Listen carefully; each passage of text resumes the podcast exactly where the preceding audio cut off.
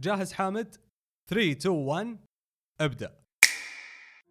طبعا زمان كان مو أي شخص يقدر يصنع له محتوى.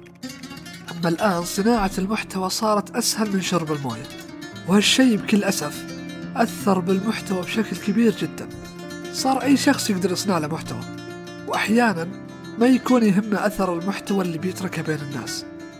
وهذا هو الحين جالس بين أهله يتابعون الحلقة الأولى. وإن شاء الله يتعالج هو وكل اللي مثله في مجتمعنا. عشان نصير المجتمع المثالي. أنا حامد محمد واليوم سالفتنا على الإنتاج الفني. سبيس تون هي مو مجرد قناة وبس. هي مصنع تقدر تأسس فيه شغفك وحلمك. أنا شغفي كبر مع هذه القناة. وبذي المناسبة لازم أقول لكم قصة شغفي وكيف كبر. انتظرونا قريبا في بودكاست انعكاس مع حامد محمد اللي بيتكلم فيه عن صناعة المحتوى وبعض الذكريات والأفكار. لا تنسون زر الاشتراك. دمتم بود.